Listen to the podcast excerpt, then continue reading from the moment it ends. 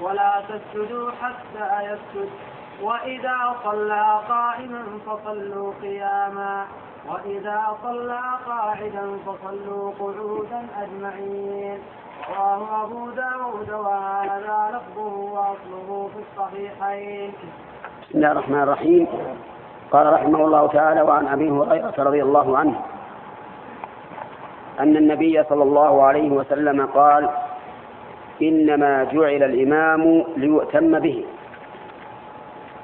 هذه الجملة جملة تفيد الحصر. وطريقه إنما يعني ما جعل إلا لهذا لهذا السبب. ولهذه الحكمة. والإمام هو الإمام في الصلاة. بدليل تفسير النبي عليه الصلاة والسلام لهذه الجملة. وقوله إنما جعل هذا جعل جعل شرعي. وقد مر علينا كثيرا أن الجعل ينقسم إلى قسمين. جعل شرعي وجعل قدري. فإذا كان الجعل بمعنى الخلق كان قدريا. وإذا كان بمعنى الشرع كان شرعيا. مثال ذلك في الشرع قوله تعالى ما جعل الله من بحيرة ولا سائبة ولا وصيلة ولا حام فإن قوله ما جعل الله يراد به الجعل الشرعي وليس الجعل القدرية لأن الجعل القدرية في هذه ثابت فإنها واقعة وحاصلة. ولكن المراد ما جعل أي ما شرع من بحيرة ولا سائبة ولا وصيلة ولا حام وكذلك هذا الحديث إنما جعل الإمام ليؤتم به جعل شرعا وأما قدرا فإن الإمام قد يتخلف عنه المأموم. ولو كان الجعل قدريا ما أمكن أن يتخلف. وأما الجعل بمعنى الخلق وهو الجعل القدري فهو كثير في القرآن. كما في قوله تعالى وجعلنا الليل والنهار آيتين. وجعلنا الليل لباسا. وأمثلتها كثيرة لكنها في الغالب تدل على تحول شيء لشيء. أي بمعنى التصير بمعنى التصير لأنها تنصب مفعولين. هنا يقول الرسول صلى الله عليه وسلم إنما جعل الإمام ليؤتم به أي ليقتدى به. وما معنى هذا الاقتداء؟ هل هو اقتداء ظاهر وباطن؟ اقتداء ظاهر فقط. قال بعض أهل العلم إنه اقتداء اقتداء أو ائتمام ظاهر وباطن. وقال آخرون إنه ائتمام ظاهر فقط بالجوارح وينبني على هذا الخلاف ما لو اختلفت نية الإمام والمأموم. فكان الإمام يصلي الظهر والمأموم يصلي العصر. أو كان الإمام يصلي العصر والمأموم يصلي الظهر. فإن قلنا إن المراد بالائتمام الموافقة للإمام ظاهرا وباطنا قلنا إن هذا الائتمام لا يصح. لماذا؟ لأنه ما وافق, ما وافق الإمام في الباطن وأما إذا قلنا بأن المراد به الائتمام في الظاهر وهو وهو أن يتابع الإمام في أفعال الصلاة فإنه يصح أن يكون الإنسان مأموما بإمام يخالفه في النية والقول الثاني هو الصواب. ودليل كونه هو الصواب تفسير النبي صلى الله عليه وسلم لهذا الائتمام حيث قال فإذا كبر فكبروا ولا تكبروا حتى يكبر وإذا ركع فاركعوا ولا تركعوا حتى يركع. وإذا قال سمع الله لمن حمده فقولوا اللهم ربنا لك الحمد. وإذا سجد فاسجدوا ولا تسجدوا حتى يسجد وإذا صلى قائما فصلوا قياما وإذا صلى قاعدا فصلوا قعودا أجمعين. فإذا كان النبي صلى الله عليه وسلم هو الذي فسر كلامه بنفسه فإنه لا حاجة بنا إلى أن نطلب تفسيره أي تفسير كلامه من غيره. ثم إننا نقول لمن قالوا إن المراد به الائتمام ظاهرا وباطنا إنكم تقولون إن الرجل لو صلى نفلا خلف من يصلي فرضا لصحت صلاته فلو أن الإنسان صلى الفجر في مسجد ثم ذهب إلى مسجد آخر ووجدهم يصلون الفجر فدخل معهم بنية النافلة صارت له نفلا وللإمام فرضا وهذا اختلاف في النية. ولا يدفع هذا الاعتراض أو هذا الإيراد أن يقال إن نية الإمام هنا أعلى من نية المأموم لكونه ناو لكونه ناويا للفرض والمأموم ناو للنفل. لأننا نقول متى قلتم إن اختلاف النية مؤثر فلا فرق بين أن تكون النيتين النيتان متساويتين أو إحداهما أعلى من الأخرى. ثم إننا نقول أيضا إنكم تقولون لو صلى المأموم صلاة العيد وهو يرى أنها فرض خلف إمام يرى أنها نفل فهنا اختلفت نية الإمام والمأموم والصلاة واحدة ومع ذلك تصححون هذا. وهو دليل على أن النية لا أثر لها وهذا هو الصواب. وبناء على ذلك فإنه يجوز أن يصلي الإنسان الظهر خلف من يصلي العصر أو العصر خلف من يصلي الظهر. أو أو يصلي العصر خلف من يصلي العشاء. كيف؟ يمكن؟ يمكن. يكون قد صلى العصر على وجه لا يصح. صلى محدثا وهو ناس.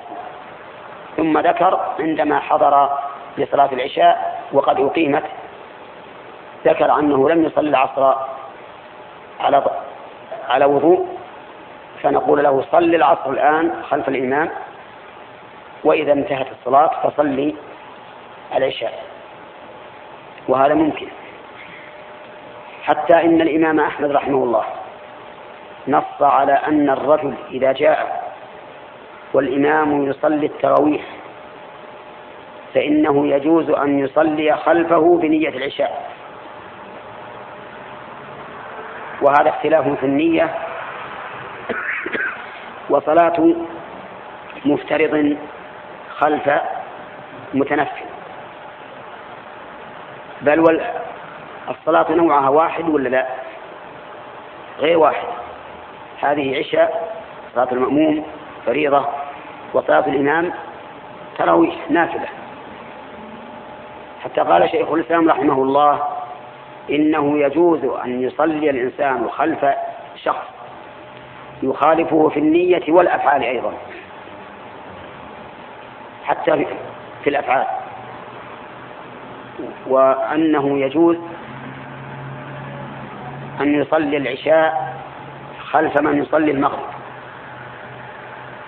وإذا سلم الإمام من صلاة المغرب قام المأموم فأتى بالرابعة. والعكس.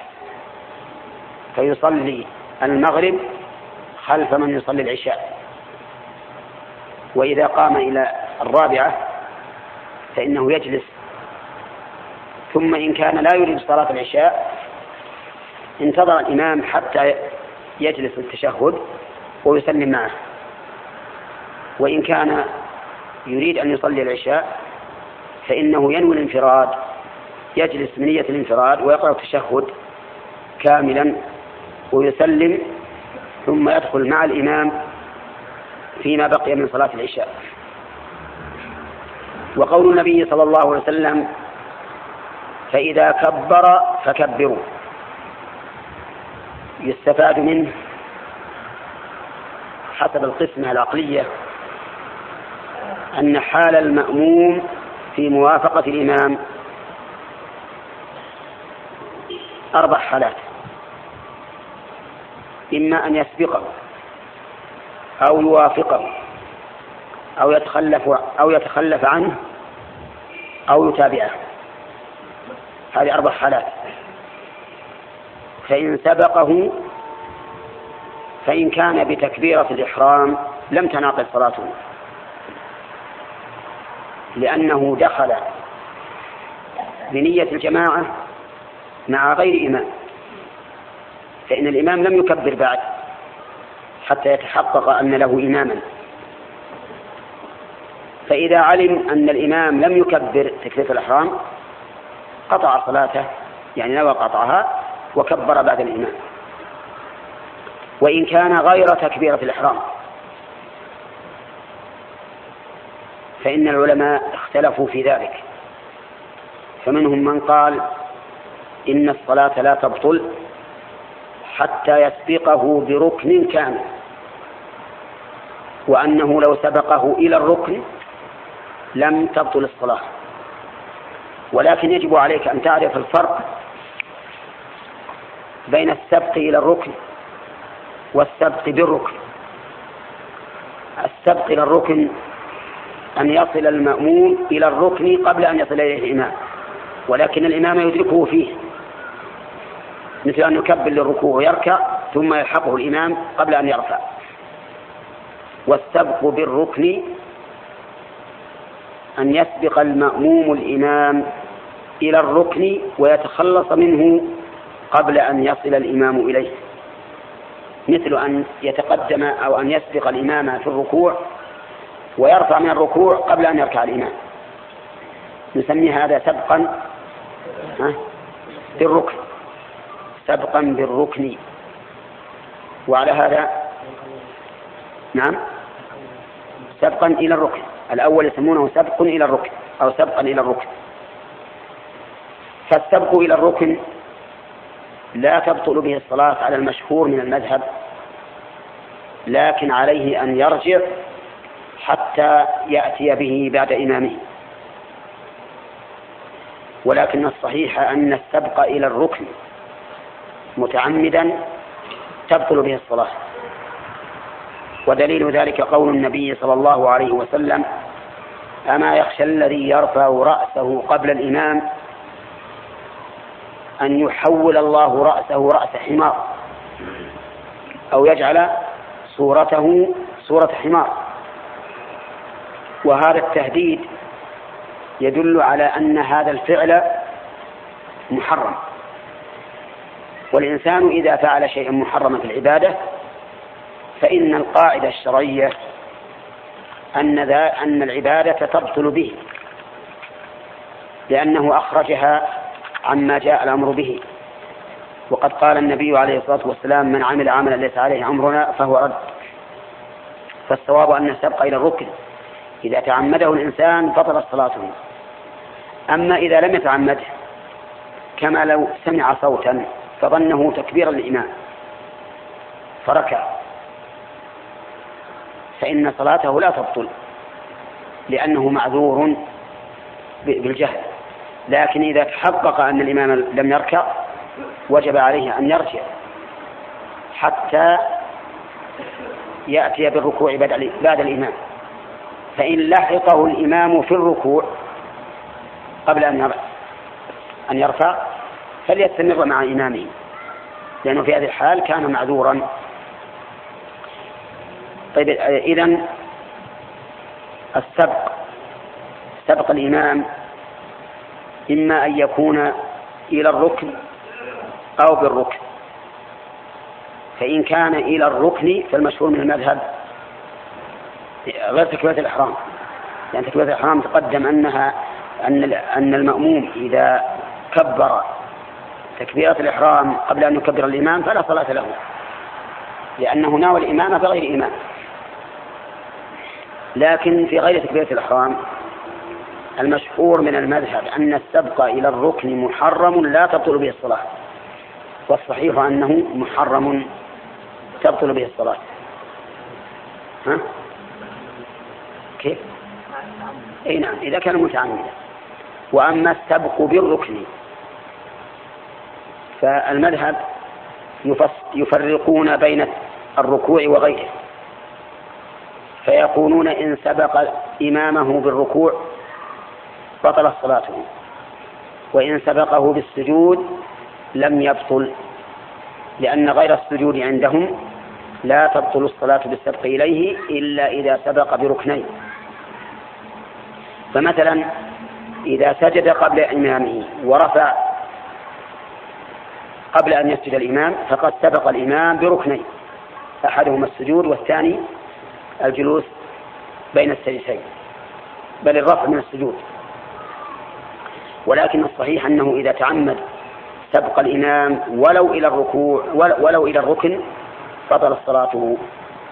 وأما الأقوال فإنه لا يشترط الأقوال التي التي هي القراءة والدعاء والذكر فإن هذه لم يقل أحد من الناس إنه لا بد أن تتأخر حتى تعلم أن إمامك قد قرأ مثلا في الصلاة السرية. ولهذا لو فرض أن الإمام يستفتح استفتاحا طويلا تعرف من عادة أن يستفتح استفتاحا طويلا واستفتحت أنت استفتاحا قصيرا وبدأت بالفاتحة قبل فإن هذا لا يضر.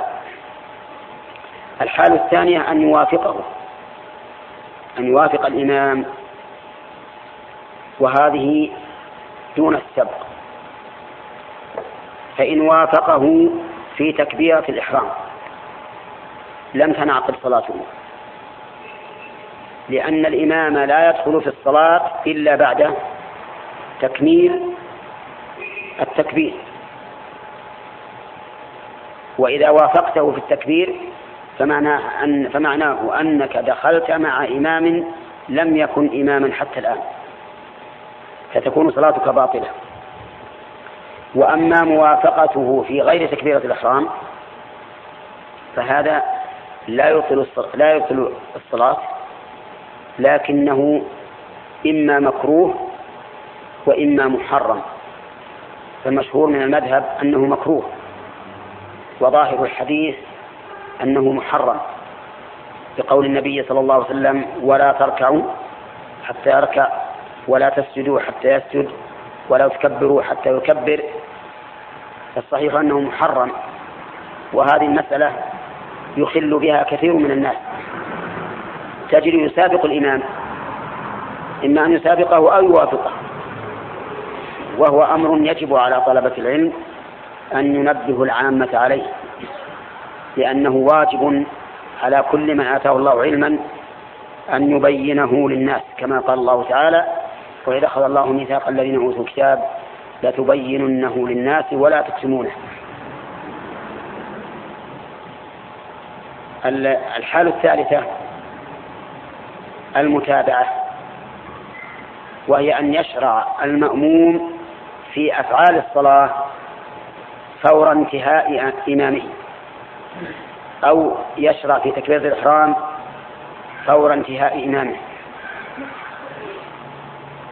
بحيث لا يتأخر. فهذا هو الأفضل وهو الأولى. فإذا كبر تكبيرة الإحرام فبادر وكبر لا لا تتأخر. لأنك إذا تأخرت فاتتك المتابعة في تكبيرة الإحرام. وبعض الناس نشاهدهم إذا أقيمت الصلاة يتسوقون ويؤجلون الدخول في الصلاة بتسوقهم. فيؤخرون فضيلة تتعلق في نفس العبادة من أجل فضيلة لا تتعلق بنفس العبادة لأن السواك سنة للصلاة وليس سنة فيها. وقد سبق لنا عدة مرات أن ما كان مشروعا في العبادة فهو أولى بالمراعاة مما كان مشروعا للعبادة. وعلى هذا فنقول الأفضل أن تبادر بمتابعة إمامك. فإذا قال أنا أحب أن فإذا قال أنا أحب أن أتأخر في السجود لأدعو الله عز وجل. فما هو, فما هو الجواب؟ الجواب على ذلك أن لك أن تتأخر في السجود لو صليت وحدك. أما مع الإمام فأنت تبع لإمامك لا تتأخر. لأن النبي صلى الله عليه وسلم يقول إذا سجد فاسجدوا ولا تسجدوا حتى يسجد. يقول إذا سجد فاسجدوا.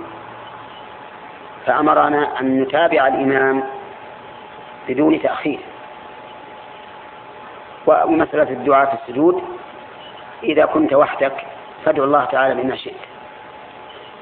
أما الحال الرابعة فهي التخلف عن الإمام. والتخلف عن الإمام إن كان لعذر فلا حرج على الإنسان فيه. كما لو تخلف الإنسان عن إمامه لعدم علمه بانتقاله إلى الركن. مثل أن أن يكون لم يسمع.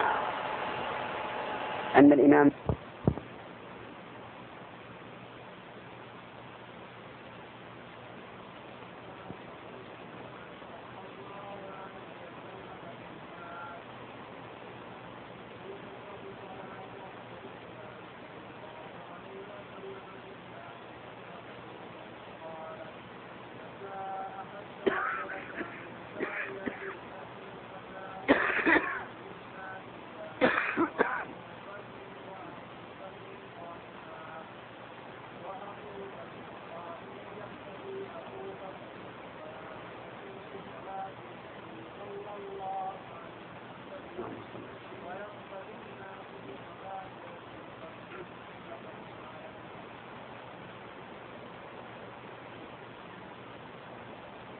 اللي قبل ما كملنا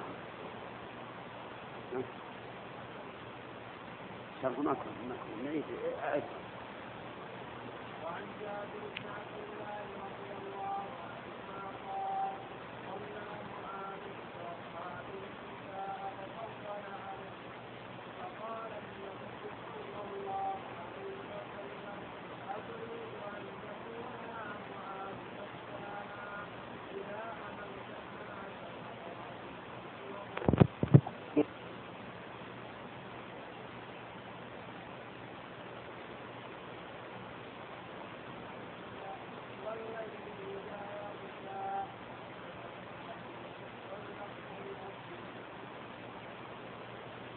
بسم الله الرحمن الرحيم. هذا الحديث تقدم الكلام على أوله وبينا أن الرسول عليه الصلاة والسلام وصف وصف معاذ بن جبل بكونه فتانا يعني صادا للناس عن دين الله وذلك بتطويله فيهم حتى أدى أن ينصرف بعضهم من الصلاة لأنه أطال إطالة غير مشروعة رضي الله عنه. فلا يجوز للإمام أن يطيل في الناس إطالة غير مشروعة.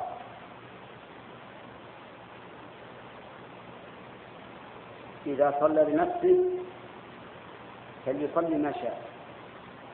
وإذا صلى لغيره فلا يتجاوز المشروع. فإن تجاوز المشروع فقد شق عليه وحينئذ يكون آثما كما يدل عليه هذا الحديث عن النبي صلى الله عليه وسلم. وأما حديث عائشة في قصة صلاة أبي بكر رضي الله عنه بالناس فإن النبي صلى الله عليه وسلم كان مريضا. وقد استناب أبا بكر رضي الله عنه أن يصلي بالناس. فكان يصلي بهم رضي الله عنه. ففي يوم من الأيام أحس النبي صلى الله عليه وسلم بخفة. فجاء وجلس إلى يسار أبي بكر. فصلى بالناس جالسا. وأبو بكر يصلي بهم قائما يقتدي أبو بكر بصلاة النبي صلى الله عليه وسلم لأنه يسمع صوته. ويقتدي الناس بصلاة أبي بكر لأنهم لا يسمعون إلا صوته. هذا الحديث لا شك أنه في مرض موت النبي عليه الصلاة والسلام. وأنه متأخر بالنسبة للحديث السابق. عن أبي هريرة إذا صلى قائما فصلوا قياما وإذا صلى قاعدا فصلوا قعودا أجمعين. ولهذا اختلف العلماء رحمهم الله فيما إذا صلى الإمام جالسا لمرض هل يصلي المأمومون جلوسا أو يصلون قياما. فذهب الإمام أحمد رحمه الله إلى أنهم يصلون جلوسا تبعا لإمامهم وذهب غيره إلى أنهم يصلون قياما. أما الإمام أحمد فاستدل بعموم الحديث. إذا صلى قائما فصلوا قياما. وإذا صلى قاعدا فصلوا قعودا. وقال إن مثل هذا الحكم يبعد أن ينسخ لأنه من من الاهتمام بالإمام فلو نسخ لكان في ذلك إخلال بحكمة الجماعة بحكمة الجماعة وهي عدم الاهتمام بالإمام ولكن غير الإمام أحمد قال إنه منسوخ. في حديث عائشة التي ذكر الذي ذكره المؤلف فإن النبي صلى الله عليه وسلم في آخر حياته كان يصلي قائما يصلي قاعدا والناس يصلون قياما. ولكن الإمام أحمد رحمه الله أجاب عن هذا بأن أبا بكر رضي الله عنه كان قد ابتدأ بهم الصلاة قائما فلزمهم حكم القيام. والنبي عليه الصلاة والسلام إنما جاء في أثناء في أثناء الصلاة. فصلى قاعدا ولهذا أذن لهم صلى الله عليه وسلم أن يبقوا قياما. وهذا الذي أجاب به الإمام أحمد رحمه الله هو المتعين لأن به تجتمع الأدلة وقد قررنا غير مرة أنه إذا أمكن الجمع بين الأدلة فإنه هو الواجب. ولا يصار إلى النفس مع إمكان الجمع.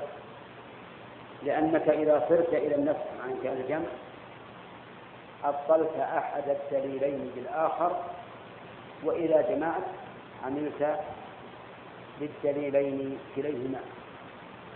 وهذا هو الواجب.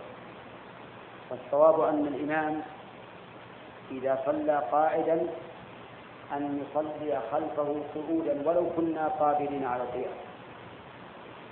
لكن لو ابتدأ بنا الصلاة قائما ثم حصلت له علة وجلس ما كمل الصلاة قائما. ففي هذه الحال يجب علينا أن نصلي قياما. بدليل حديث عائشة الذي ساقه المؤلف رحمه الله.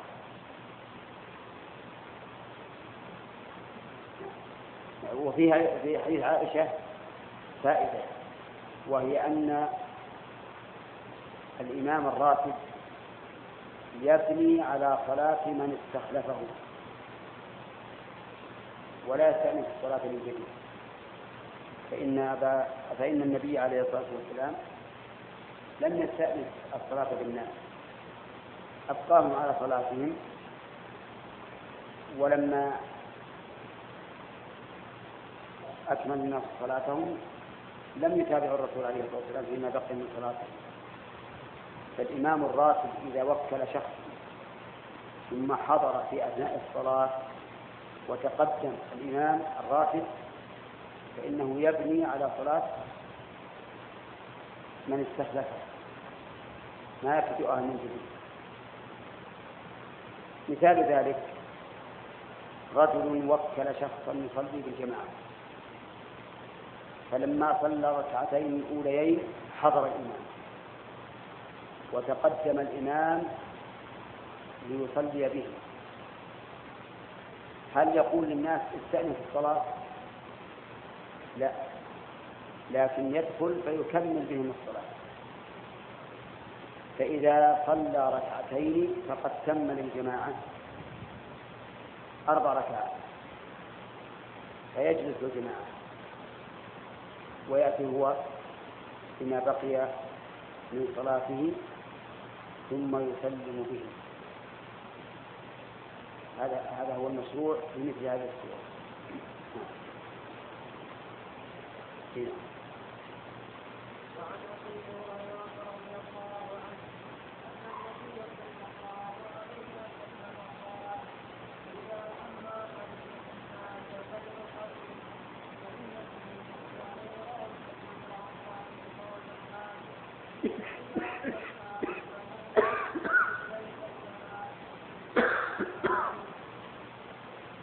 أبي هريرة رضي الله عنه أن النبي صلى الله عليه وسلم قال إذا صلى أحدكم للناس فليخفف. صلى لهم ولم يقل صلى بهم لأن الإمام يصلي بالناس وللناس أيضا. ولهذا يحسن أن تكون صلاته على وفق الشرع لا زيادة ولا نقص لأنه يصلي لهم فهو كالذي يتولى أمورهم أمره النبي عليه الصلاة والسلام أن يخفف. قال إذا صلى أحد الناس فليخفف. ولكن ما ميزان هذا التخفيف؟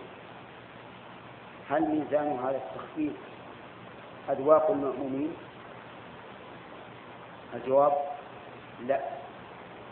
لأننا لو لو رددنا الأمر إلى أذواق المأمومين كما يقول اقتصر على الفاتحة ليس بالأكثر تكفينا الواجب يقول سبحان رب العظيم في الركوع مرة.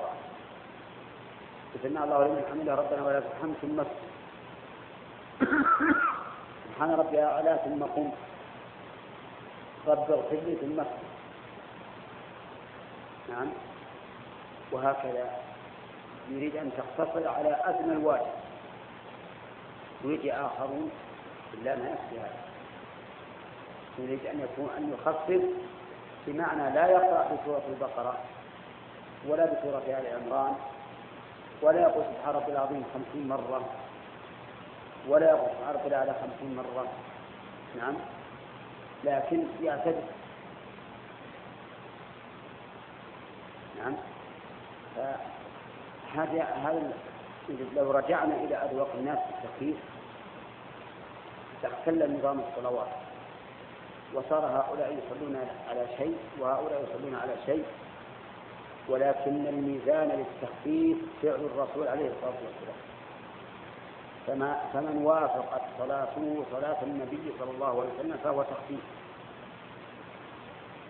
ومن كانت دون ذلك فهو تكريم. ومن كان فوق ذلك فهو إفراط وزيادة. والدليل على أن صلاة النبي صلى الله عليه وسلم تخفيف قول أنس رضي الله عنه ما صليت وراء إمام قط أخف صلاة ولا أتم صلاة من النبي صلى الله عليه وسلم. فإذا كانت صلاة النبي عليه الصلاة والسلام هي أخف الصلوات وأتمها هي أخف الصلاة وأتمها فمعنى ذلك أن أن المراد بقوله صلى الله عليه وسلم فليخفف أي فليصلي كما أصلي. إذ من المستحيل أن الرسول عليه الصلاة والسلام يأمر بشيء ويفعل ويفعل خلافه فلو كان هناك تخفيف مشروع دون صلاة الرسول عليه الصلاة والسلام لفعله النبي عليه الصلاة والسلام. والحاصل أن التخفيف الذي أمر به النبي عليه الصلاة والسلام هو التخفيف الذي كان يفعله.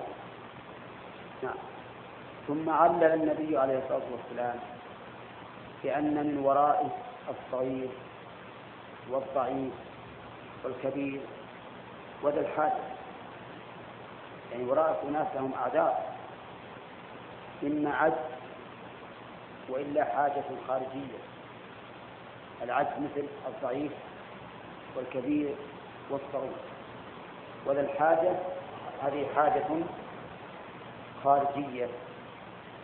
قد يكون كأنك مشغولا بحرثه أو بتجارته أو بميعاد له مع أحد. فإذا أطلت إطالة أكثر من السنة حبست عن حاجته ثم قال عليه الصلاة والسلام وإذا صلى لنفسه فليطول ما شاء. إذا كان يصلي لنفسه فليطول ما شاء. وبهذا نعرف أن قول الرسول عليه الصلاة والسلام صلوا كما رأيتم يصلي لا يلزم أن يكون أن تكون الصلاة مثل صلاة الرسول عليه الصلاة والسلام حتى في القدر. بل لو طول فإنك لم تخرج بذلك عن كونك تصلي كما كان النبي صلى الله عليه وسلم يصلي. لأنك صليت صلاة مأذونا فيها. ولكن هل الأفضل أن أزيد على ما كان النبي صلى الله عليه وسلم يفعل وأثقل الصلاة أكثر من تثقيل الرسول صلى الله عليه وسلم؟ أو الأفضل أن تكون كصلاة الرسول صلى الله عليه وسلم؟ الجواب الجواب الثاني أن تكون كصلاة النبي صلى الله عليه وسلم. وأما التطويل الزائد فهو من باب المباح وليس من باب المشروع الذي هو الأفضل. وكأن الرسول عليه الصلاة والسلام يقول إن الإمام يصلي كما كان النبي عليه الصلاة والسلام يصلي وإن وإن المنفرد يصلي كما شاء. طيب المأموم؟ المأموم تبع للإمام لا لا يستطيع أن يتقدم ولا أن يتأخر نعم.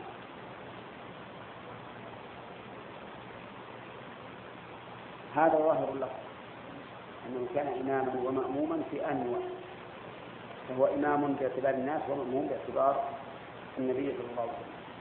أما على قاعدة الفقهاء فهو مأموم فقط لكنه مبلغ عن الإمام ها؟ ما يجوز. أي نعم هذا فيه محدود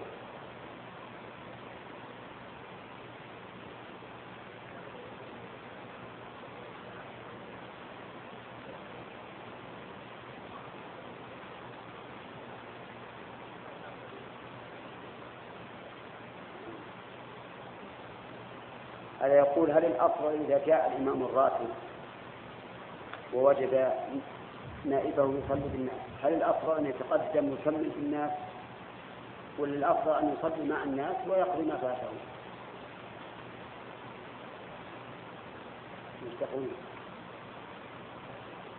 إن كنت الأفضل مع الناس كيف الرسول عليه الصلاة والسلام يتقدم؟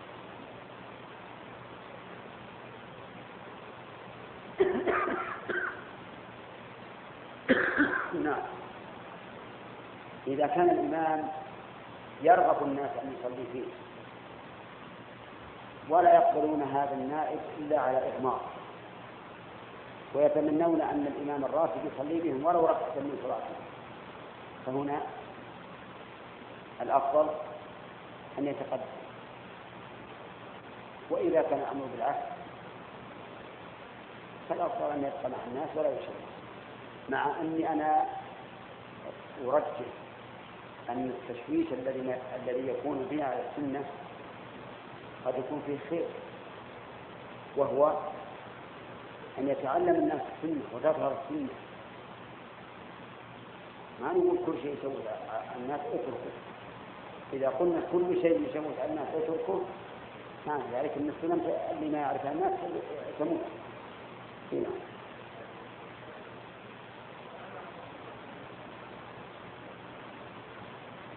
لا هذه مثل لا مثل مثال غيرها.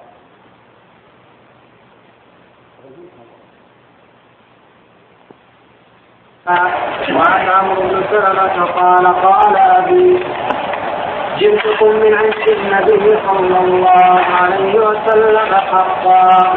فقال إذا حضرت الصلاة فليؤذن أحدكم وليؤمكم أكثركم قرآنا. قال فنظروا فلم يكن أحد أكثر مني قرآنا. فقدموني وأنا ابن ست وأنا ابن ست أو سبع سنين. رواه البخاري وأبو داود والنسائي. بسم الله الرحمن الرحيم. قال رحمه الله تعالى وعن عمرو بن سلمة الجرمي رضي الله عنه. قال جاء أبي وكان أبوه وافدا مع الوفد الذين كانوا يفدون إلى النبي صلى الله عليه وسلم ليتلقوا منه الشرع ويتعلموا منه. فقال أبوه جئتكم من عند النبي صلى الله عليه وسلم حقا. فهنا شهد رضي الله عنه. بأن رسالة النبي صلى الله عليه وسلم حق. لأن كل من شاهد النبي صلى الله عليه وسلم ورأى ما عليه من كمال الأخلاق والآداب علم أنه رسول الله صلى الله عليه وسلم. يقول عبد الله بن رواحة أو حسان بن ثابت يقول لو لم تكن فيه آيات مبينة كانت بديهته تأتيك بالخبر. صلى الله عليه وسلم. يعني لو لم يكن فيه آيات مبينة تدل على رسول على أنه رسول الله لكانت بديهته مجرد ما تراه وترى طلعته الكريمة الشريفة تأتيك بالخبر. وكان من عادة النبي عليه الصلاة والسلام أن الوفود إذا وفدوا يبقيهم عنده أياما. حتى يتعلموا ويشاهدوا ويعرفوا طريق النبي صلى الله عليه وسلم في عبادته وفي دعوته إلى الله وفي أخلاقه. يقول قال جئتكم من عند النبي صلى الله عليه وسلم. فقال يعني النبي صلى الله عليه وسلم. صل ركعتين يا أخ. صل ركعتين. أنت. صليت.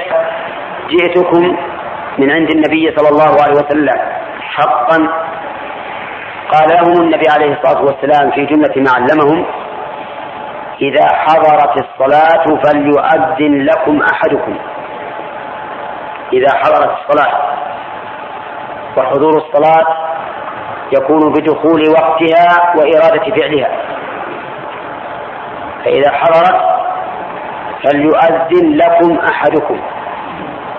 وفي قوله لكم دليل على أنه لا بد في الأذان أن يبلغ من أذن له بحيث يرفع الإنسان صوته به حتى يسمعه من من من أذن له. ولهذا ذكر أهل العلم أن رفع الصوت بالأذان ركن بحيث يسمع من يؤذن له. على حسب الحال وعلى حسب المستطاع. وفي قوله فليؤذن لكم دليل على أن الأذان فرض كفاية. لأنه قال فليؤذن لكم أحدكم.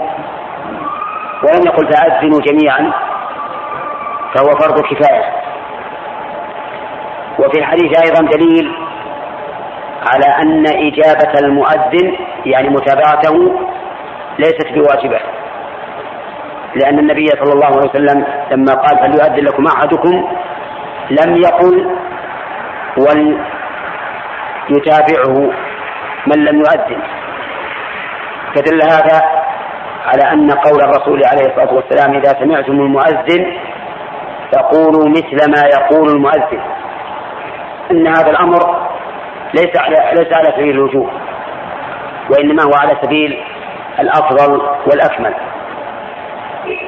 وفي قوله عليه الصلاة والسلام إذا حضرت الصلاة فليؤذن لكم أحدكم. دليل على أن الأذان الذي يكون قبل الفجر ليس أذانا للفجر ولا ينسب للفجر كالأذان الذي يفعله بلال رضي الله عنه حين كان يؤذن في آخر الليل ليوقظ النائم ويرجع القائم.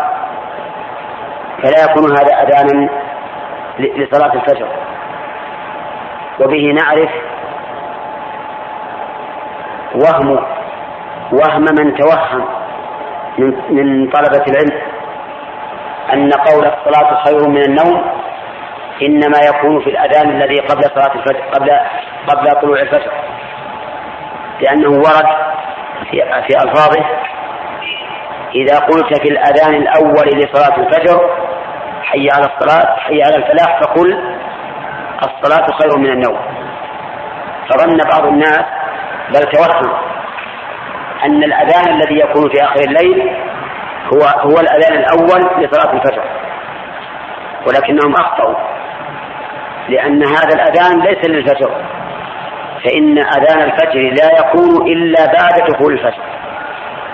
لقول النبي صلى الله عليه وسلم إذا حضرت الصلاة فليؤذن لكم أحدكم. ولأن النبي صلى الله عليه وسلم يقول في أذان بلال إنما كان ليرجع قائمكم ويوقظ نائمكم. لا للصلاة. فدل هذا على أنه ليس أذانا للفجر. ويكون معنى قوله في الأذان الأول لصلاة الفجر الأذان الذي هو أذان الفجر. ووصف في الأول لأن هناك أذانا آخر وهو الإقامة. فإن الإقامة تسمى أذانا. كما جاء في الحديث الصحيح بين كل أذانين صلاة. وفي صحيح البخاري أن عثمان بن عفان رضي الله عنه زاد الأذان الثالث يوم الجمعة. ومعلوم أن يوم الجمعة ما فيها إلا أذانان وإقامة. فقد زاد الأذان الثالث لأن الإقامة تسمى أذانا لأن الأذان في اللغة الإعلام كما قال تعالى وأذان من الله ورسوله والإقامة إعلام بالقيام للصلاة والأذان إعلام بدخول وقت الصلاة. وفي قوله وليؤمكم أكثركم قرآنا.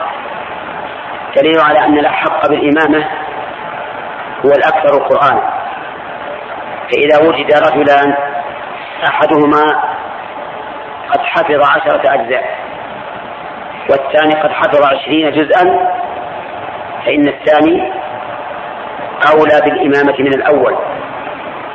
ولو كان أصغر منه سنا لأن كثرة القرآن مقدمة. قال عمر عمر بن أبي سلمة رضي الله عنه فنظروا فلم يجدوا أكثر مني قرآنا. كل الحي ما فيه أحد أكثر من عمرو بن سلمة قرآنا وكان أكثرهم لأنه كان رضي الله عنه. يتلقى الركبان الذين يأتون من المدينة ويستقرئهم القرآن فكان أحفظ من غيره أكثر. فقدموني وأنا ابن سبع أو ست سنين. صار إمام قومي إمام, إمام الحي كله وليس له إلا ست أو سبع سنين. وفي هذا دليل على جواز إمامة الصغير لمن كان بالغا وأنه يجوز أن يكون الصغير الذي لم يبلغ إماما لمن كان كبيرا بالغا لأن هذا الأمر حدث في عهد النبي صلى الله عليه وسلم. فإن قلت ما الذي يدرينا أن النبي صلى الله عليه وسلم علم بذلك فأقره؟ ربما لم يعلم بذلك. فالجواب أن الله تعالى قد علمه بلا شك. وكون الله تعالى يقره ولم ينزل ولم ينزل قرآنا يبين بطلانه دليل على أنه حق وليس بباطل.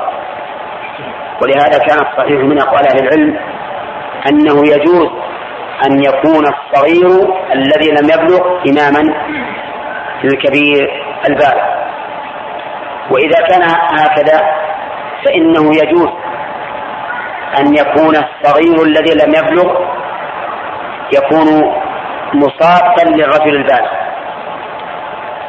فإذا كان عند إذا وجد رجلان رجلان وطفل وأرادوا أن يصلوا جماعة فإن الإمام يتقدم ويكون الطفل والبالغ خلفه لا في الفريضة ولا في النافلة. وقد ثبت ذلك عن النبي صلى الله عليه وسلم في النافلة كما في حديث أنس بن مالك أنه صلى هو هو ويتيم خلف النبي صلى الله عليه وسلم. وما ثبت في النفل ثبت في الفرض إلا بدليل. في هذا الحديث كان عمرو بن سلمة رضي الله عنه ليس له إلا ثوب قصير. إذا سجد انكشف بعض فخذه. فخرجت امرأة من الحي فقالت غطوا عنا استقارئكم. الاستميم الفرج؟ ولكنها الدبر. المعروف عند العامة أن الإست هي الفرج فرج المرأة وليس كذلك فإن الإست هي الدبر. وقولها غطوا عنا استصاحبكم أو قارئكم هذا من باب المبالغة. لقصر إزاره رضي الله عنه أو قميصه يقول فاشتروا له ثوبا قميصا سابغا فما فرحت بشيء بعد الإسلام فرحي بهذا الثوب. من قلة ذات اليد والفقر.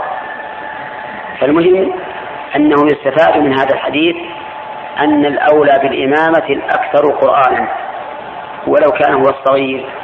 وأنه يجوز أن يكون الصغير الذي لم يبلغ إماما لمن كان بالغا.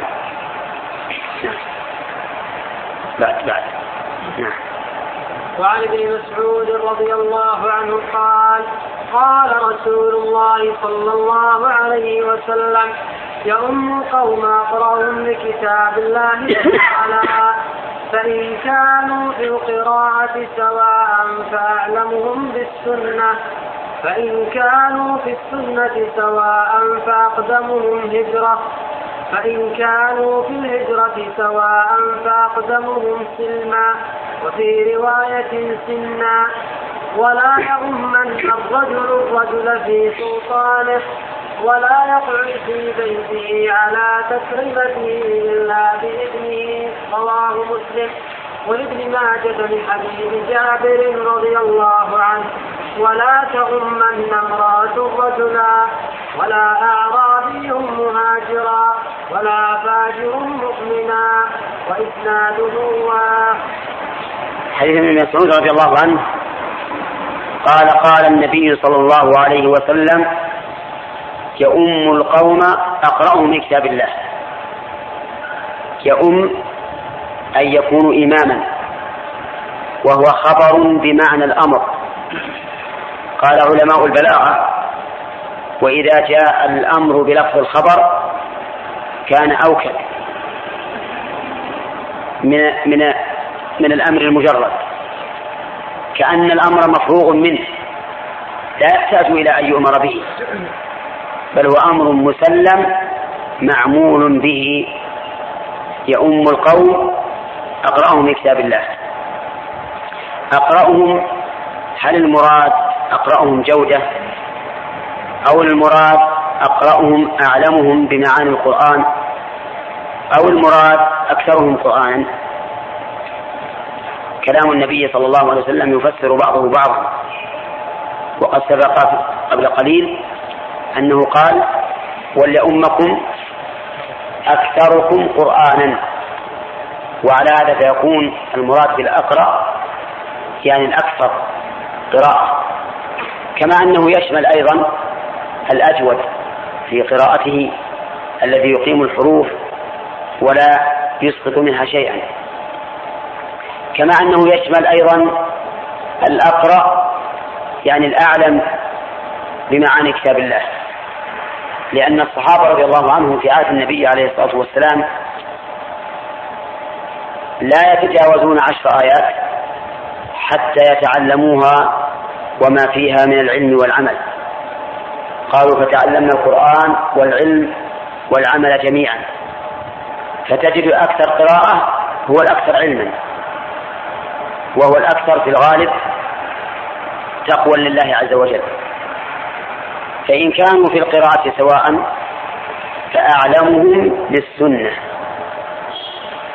وهنا قال أعلمهم بالسنة لفظا ومعنى الإنسان الذي عنده علم من سنة الرسول عليه الصلاة والسلام وفقها لهذه السنة أولى في الإمامة ممن ليس كذلك فإن اجتمع عالم بالسنة لكنه دون الآخر في القراءة فأيهما يقدم؟ ها؟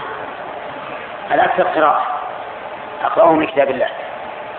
فإن كانوا في السنة سواء فأقدمهم سلما أو قال سنا. هجرة فأقدمهم هجرة. هجرة الهجرة هي هجران هجران البلد بلد الكفر إلى بلد الإسلام. سواء كانت البلد قرية أو مدينة أو كانت مراعي أو ما أشبه ذلك. فإذا هاجر الإنسان فإن أقدمهم هجرة أولى في الإمامة من غيره لأن الغالب أن الأقدم هجرة أعلم بكتاب الله وسنة رسول الله صلى الله عليه وسلم ممن لم يهاجر.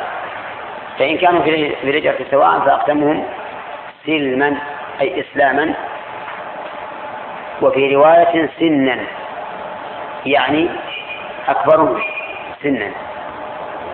فهذا هو الترتيب الذي رتبه النبي صلى الله عليه وسلم ينبغي للناس أن يلاحظوه.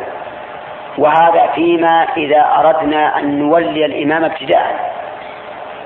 وأما إذا كان إماما راتبا فإنه أحق أحق من غيره وإن كان غيره أقرأ منه. ولهذا قال النبي عليه الصلاة والسلام في الحديث في آخر الحديث ولا يؤمن الرجل الرجل في سلطانه. وإمام المسجد سلطان في مسجده. فلو وجد أو فلو حضر إلى المسجد رجل أقرأ من إمامه الراتب أو أعلم بالسنة من إمامه الراتب فإنه ليس له حق أن يتقدم مع وجود الإمام الراتب. ولكن إن تنازل له الإمام الراتب فلا حرج. وأما إذا لم يتنازل فليس له الحق في أن يقول أنا أحق منك لأني أقرأ أو أنا أحق منك لأني أعلم بالسنة نعم. في شيء سؤال عندك؟ ها؟ طيب. الهجرة هنا يا شيخ هل الهجرة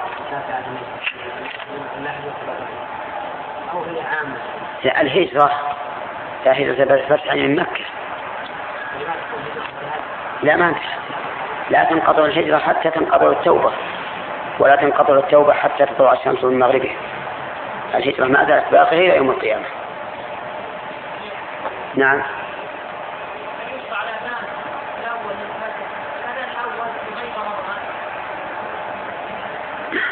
لا أعلم في السنة أنه مشروع. لكن قد يقال إن قوله عليه الصلاة والسلام يوقظ نائمكم إن هذا جزء من علة فإذا كان في الأذان الأول إيقاظ للناس الذين يريدون أن يصلوا فالظاهر إن شاء الله أنه لا بأس به.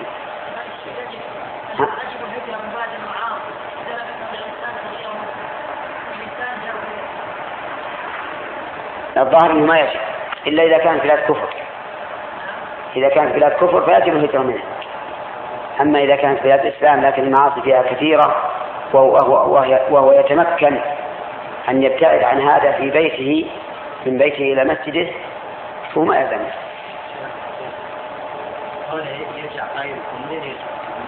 ها؟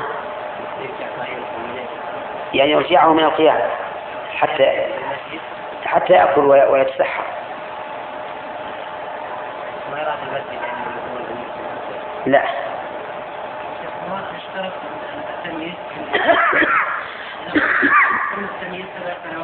نعم.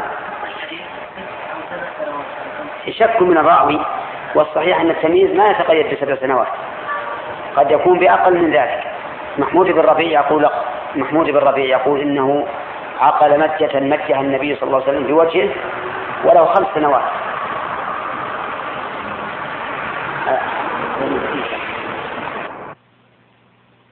قال المؤلف رحمه الله تعالى ولابن ماجه من حديث جابر رضي الله عنه ولا تغمن الله رجلا ولا اعرابي مهاجرا ولا فاجر مؤمنا واسناده واحد بسم الله الرحمن الرحيم.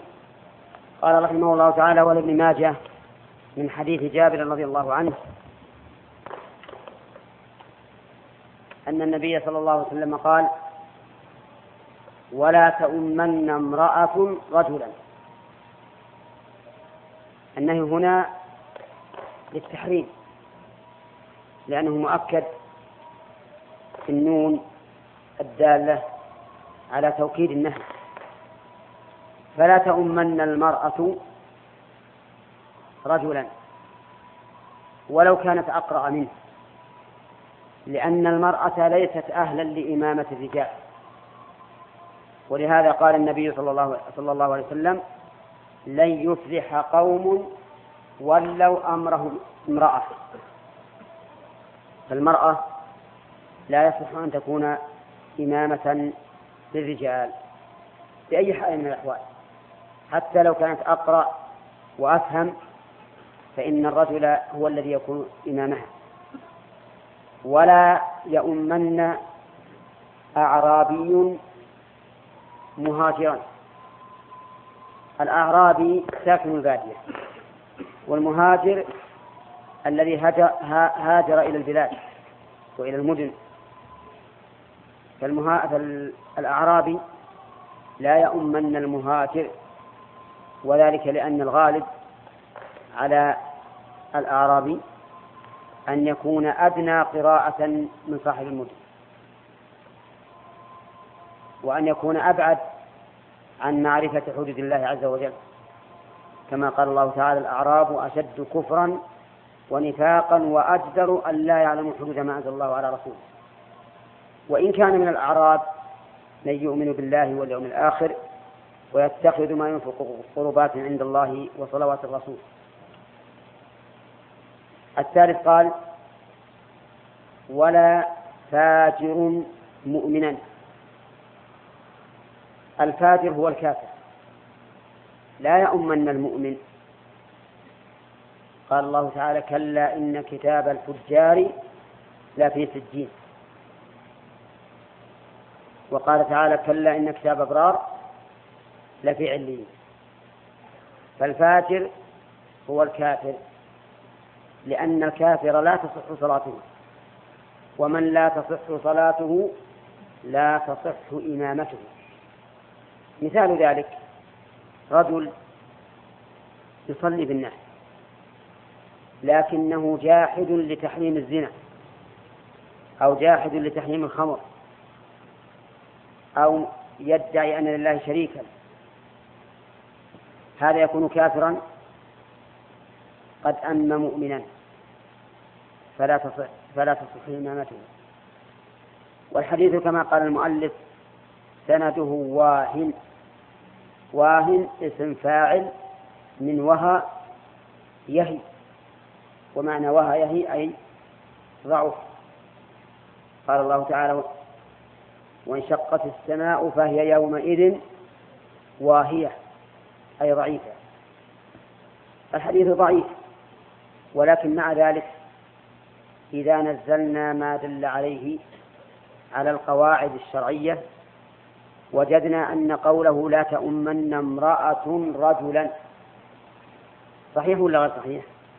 صحيح لأن المرأة ليست أهلا لأن تكون إماما للرجال ورأينا قوله ولا أعرابي مهاجرا ليس ليس بصحيح بالنسبة إلى أنه لا يصح مطلقا.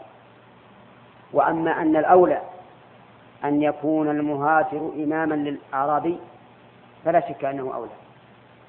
ورأينا أن قوله لا يؤمن فاجر مؤمنا صحيح بمقتضى الأدلة الشرعية لأن الفاجر كافر لا تصح صلاته ومن لا تصح صلاته لا تصح إمامته فأما إذا كان فاسقا بدون كفر فقد اختلف العلماء. هل تصح إمامته أم لا؟ فالمشهور من مذهب الحنابلة أن إمامته لا تصح. وبناء على هذا القول لا يصح أن يكون شارب الدخان إماما لأنه فاسق. ولا يصح أن يكون حالق اللحية إماما. لأنه فاسق. ولا يصح من ولا يصح أن يكون من يغش الناس إماما لأنه فاسق. ولا يصح أن يكون من يغتاب الناس إماما لأنه فاسق. ولو أننا نظرنا أو لو أننا قلنا بهذا القول لوجدنا أن أكثر الناس اليوم لا تصح إمامتهم من الذي يسلم من الغيبة؟ من الذي يسلم من الغش؟ من الذي يسلم من الكذب؟ لو أننا قلنا بهذا القول ما وجدنا إماما إلا نادرا. ولهذا القول الراجح أن الفاسق تصح إمامته. لكن الصلاة خلف العدل أفضل بلا شك. ولهذا كان الصحابة ومنهم ابن عمر يصلون خلف أئمة الجور كانوا يصلون خلف الحجاج. ابن يوسف الثقفي والحجاج بن يوسف من أظلم عباد الله ومن أفسق عباد الله. لكنه ليس بكافر. الصواب أن الفاسق تصح إمامته كما تصح صلاته. اللهم إلا أن يكون فسقه مخلا بواجب من واجبات الصلاة. كما لو أكل لحم إبل. وقيل له توضأ من لحم الإبل. فإنه ينقض الوضوء. قال خلوا عنا خرابيطكم هذه. ماذا نقول له؟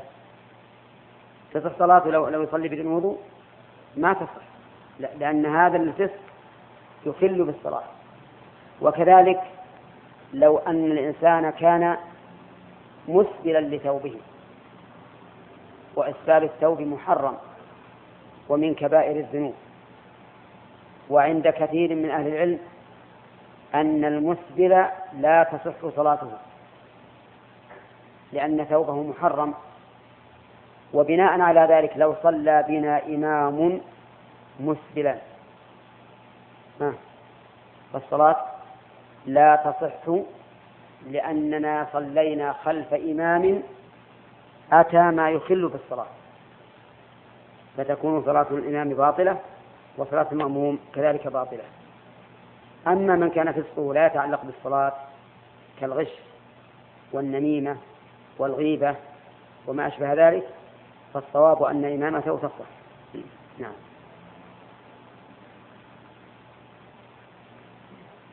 وعن انس رضي الله عنه أن النبي صلى الله عليه وسلم قال وصوا صفوفكم وقاربوا بينها وحالوا في الاعناق رواه أبو داود والنسائي وصححه ابن حبان. وعن أبي قال النبي عليه الصلاة والسلام في هذا الحديث رصوا صفوفكم. يعني تراصوا. وذلك لأن المأمومين إذا أقلوا بالمراصة سلطت عليهم الشياطين فدخلت فيما بينهم وأثرت عليهم صلاتهم ولهذا أمر النبي عليه الصلاة والسلام بأن نتراص في الصفوف.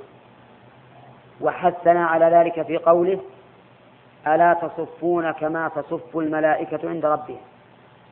قالوا كيف يصفون؟ قال يتراصون ويكملون الأول فالأول. قال وقاربوا بينها بين الصفوف. ما يكون الصف الثاني بعيدا عن الصف الأول ولا يكون الصف الأول بعيدا عن الإمام. وبهذا نعرف جهل ما يقع فيه كثير من الناس اليوم. يكون الإمام بعيدا عن الصف الأول. لو صار بينهما صفان لأمكن ذلك. وهذا خلاف السنة بل السنة أن يدنو الإمام من الصف الأول وأن يدنو الصف الثاني من الصف الأول والثالث من الثاني وهكذا. قال الثالث وحاذوا بالأعناق. حاذوا يعني تساووا بالأعناق. ما هي الأعناق؟ العنق جمع عنق وهي الرقبة.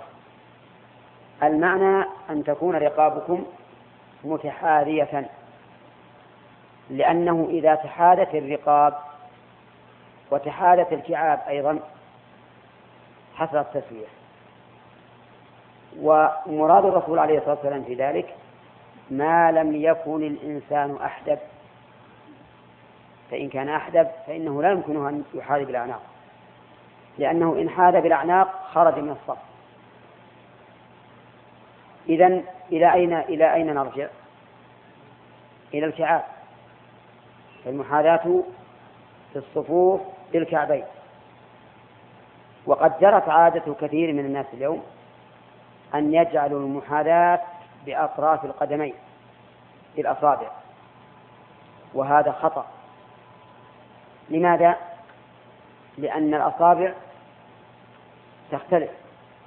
فمن الناس من من رجله طويلة. لو حاذ بالأصابع لكان متأخرا.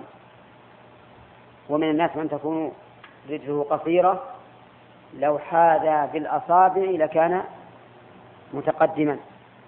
ولهذا قال العلماء يسن تسوية الصف بمحاذاة المناكب والأكعب. وأهم والأهم هو الأكعب وذلك لأن المناكب ربما يكون بعض الناس أحدب فلا يتأتى معه محاذاة المناكب. نعم. وعن أبي هريرة رضي الله عنه قال قال رسول الله صلى الله عليه وسلم خير صفوف الرجال أولها وشرها آخرها وخير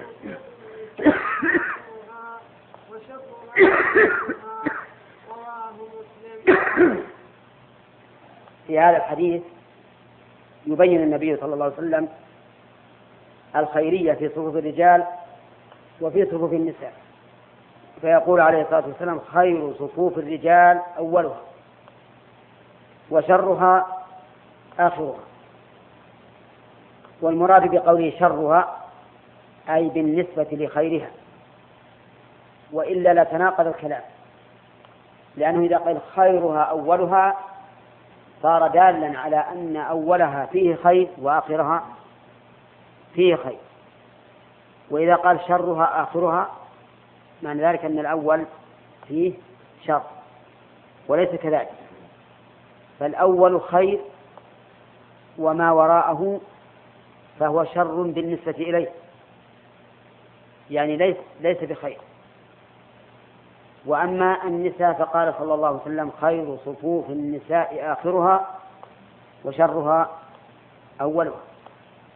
ومراده والله أعلم فيما إذا كان الرجال والنساء جماعة. وفي مكان واحد. أما إذا كان النساء جماعة وحدهن أو كن مع الرجال لكن منعزلات عن الرجال. فالظاهر أن الأول فالأول في حقهن أكمل. لعموم قول النبي صلى الله عليه وسلم لو يعلم الناس ما في النداء والصف الأول ثم لم يجدوا إلا أن يستهموا عليه لاستهموا نعم. ونعم ويستفاد من هذا الحديث رغبة الشرع في إبعاد المرأة عن الرجل. لأنه إنما كان آخر صفوف النساء هو الأفضل لأن الأول قريب من الرجال. وكلما قرب من الرجال كان ذلك أدعى للفتنة. ولهذا يجب على ولي الأمر العام أو الخاص أن يمنع النساء من الاختلاط بالرجال. لما في ذلك من الفتنة. والإنسان لا لا يضمن نفسه. حتى لو كان الإنسان من أتقى عباد الله فإنه قد يتضرر بمخالطة النساء. نعم. بس خلاص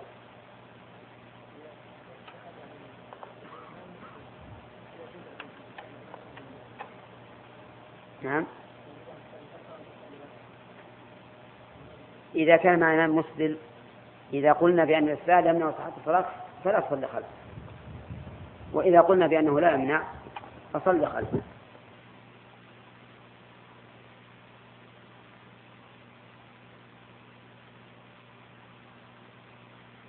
في الرجال أولها وشرها آخرها وخير صفوف النساء آخرها وشرها أولها.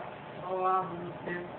ما قرأ الحالة قرأ الحالة وعن ابن عباس رضي الله عنهما قال صليت مع رسول الله صلى الله عليه وسلم ذات ليلة فقمت عن يساره فأخذ رسول الله صلى الله عليه وسلم برأسي من ورائي فجعلني عن يمينه. متفق عليه. بسم الله الرحمن الرحيم. قال رحمه الله تعالى وعن ابن عباس رضي الله عنه وعن أبيه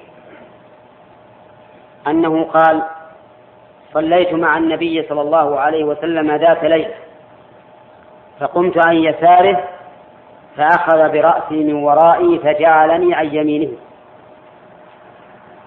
ابن عباس رضي الله عنهما هو ابن عم النبي صلى الله عليه وسلم.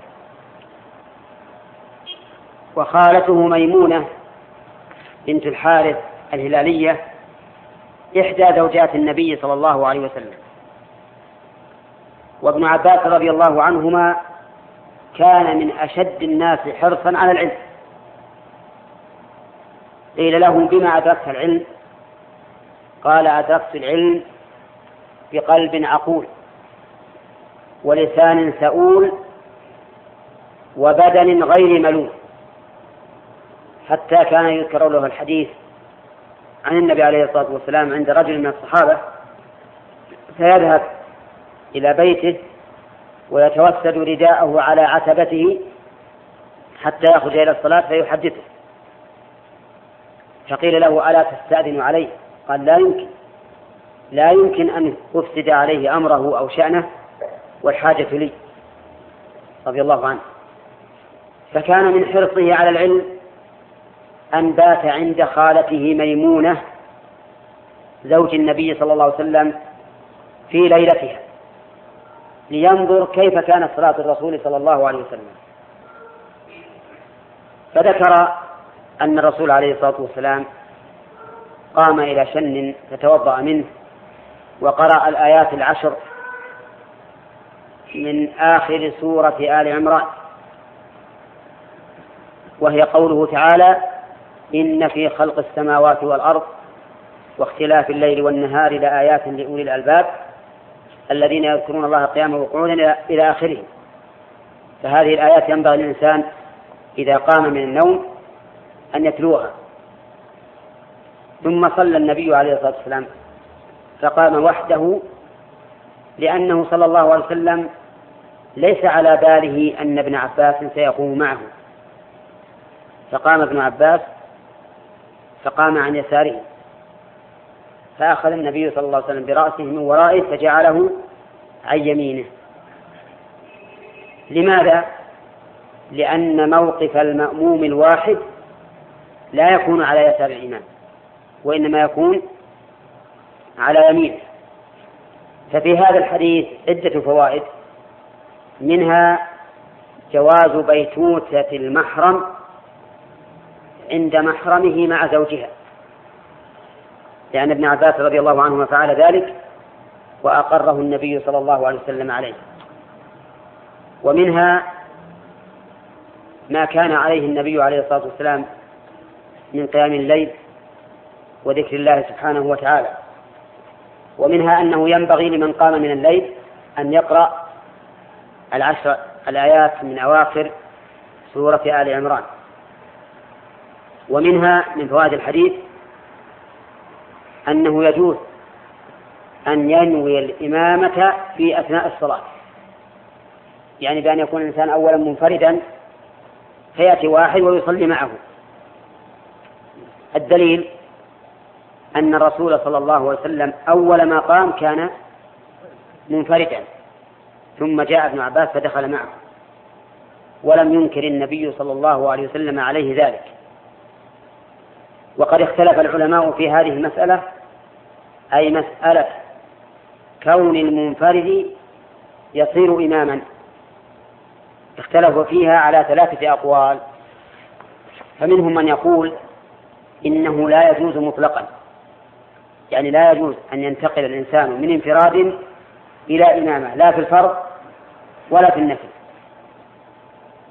لأن هذا تغيير للنية. وقد قال النبي عليه الصلاة والسلام إنما الأعمال بالنيات وهذا الرجل دخل بنية الانفراد ثم صار إماما ومنهم من قال إنه يجوز مطلقا يجوز مطلقا لأن الرسول صلى الله عليه وسلم أقر ابن عباس عليه فإن ابن عباس دخل مع النبي صلى الله عليه وسلم والرسول صلى الله عليه وسلم لم يكن نوى إيش؟ الإمام. وما ثبت في النفل ثبت في الفرض إلا بدليل.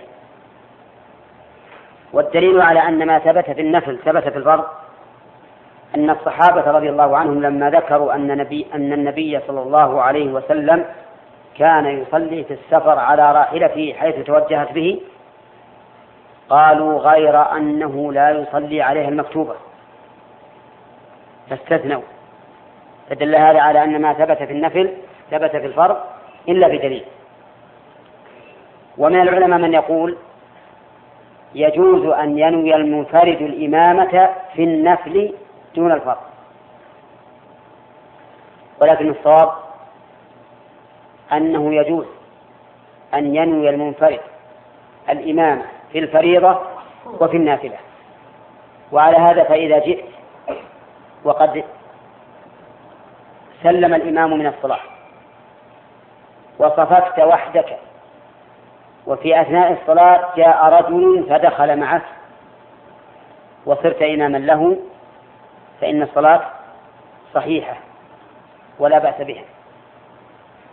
ومن فوائد الحديث أنه لا مقام لا مقام للمأموم عن يسار الإمام.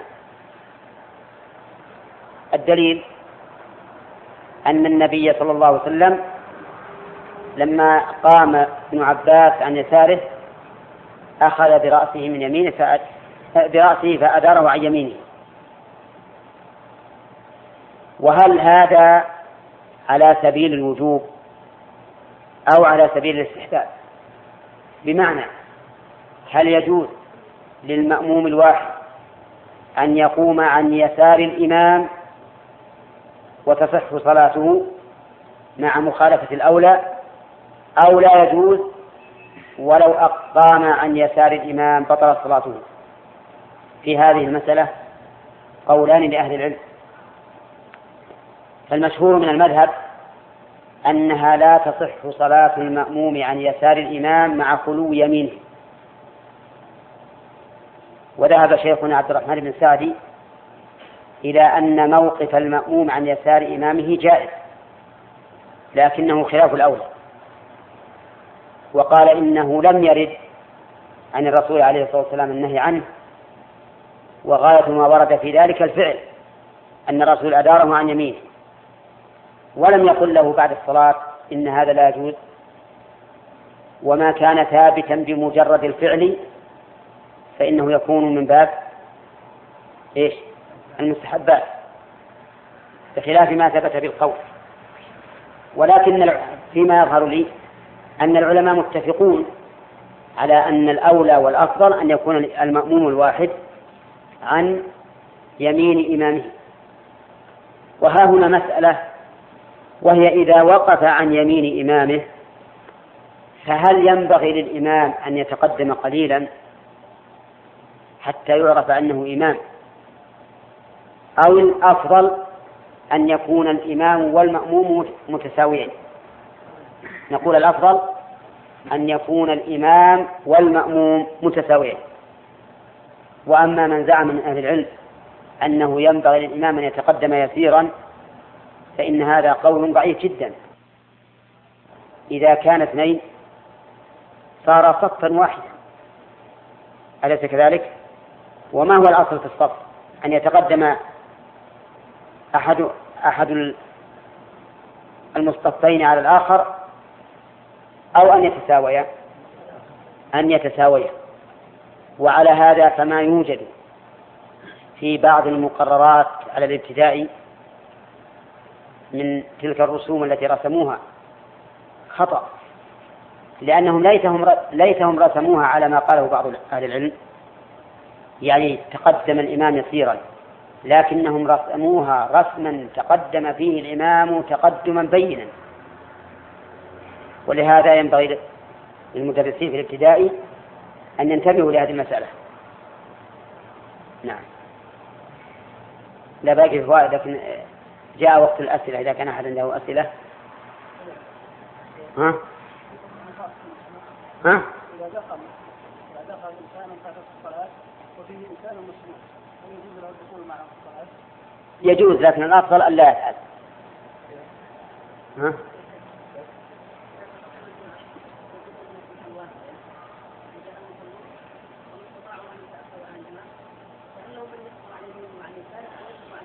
نعم يقول إذا إذا كان الإمام ليس له مكان يمكنه أن يتقدم فيه لا بد أن يكون مع المأمومين والمأمومون اثنان فأكثر. هل يقفون عن يمينه كلهم؟ أو يكون بعضهم على اليمين وبعضهم على اليسار؟ الجواب يكون بعضهم على اليمين وبعضهم على اليسار. عرفت؟ والدليل على ذلك أن الصحابة كانوا قبل أن ينسخ الحكم كانوا يقومون والإمام بينهم. إذا كانوا ثلاثة فإن الإمام يكون بين الاثنين. هذا ما كان عليه الناس قبل. ثم نسخ هذا الحكم وصار الثلاثة يتقدمهم إمامه فلما كان قبل أن ينسخ الحكم يقف الإمام بين الاثنين دل هذا على أن الأفضل أن يكون بعض المأمومين على اليمين وبعضهم على اليسار.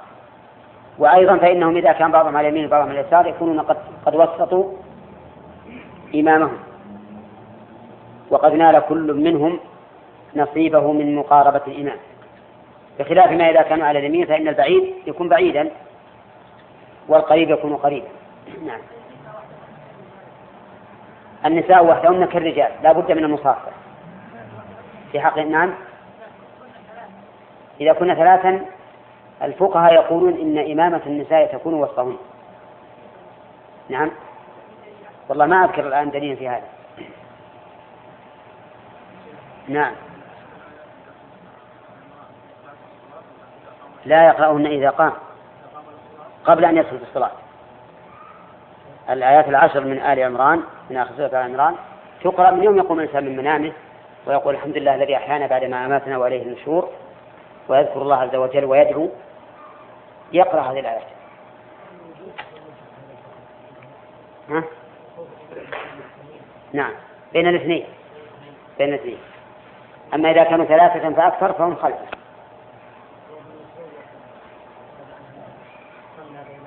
علقمه الأسود ابن مسعود ابن مسعود ما بلغه ما بلغه النسخ. وإلا قد ثبت في الصحيح أنه نسخ هذا الحكم. ابن مسعود رضي الله عنه ما بلغه هذا النسخ ولا ولا بلغه نسخ التطبيق أيضا. في حال الركوع كان رضي الله عنه يطبق يده اليمنى مع اليسرى ويحط بين فخوذه وهذا الحكم نسخ. وصار المشروع أن تضعها على الركبتين نعم. عيسى بن سالم.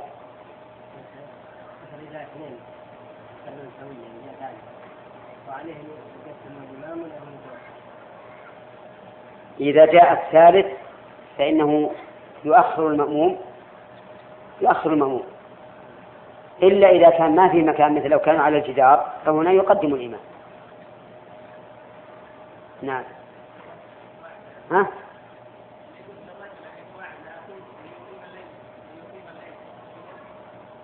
لا المواعدة ما مشروعة. لكن لو جرى هذا صدفة أحيانا لا بأس به.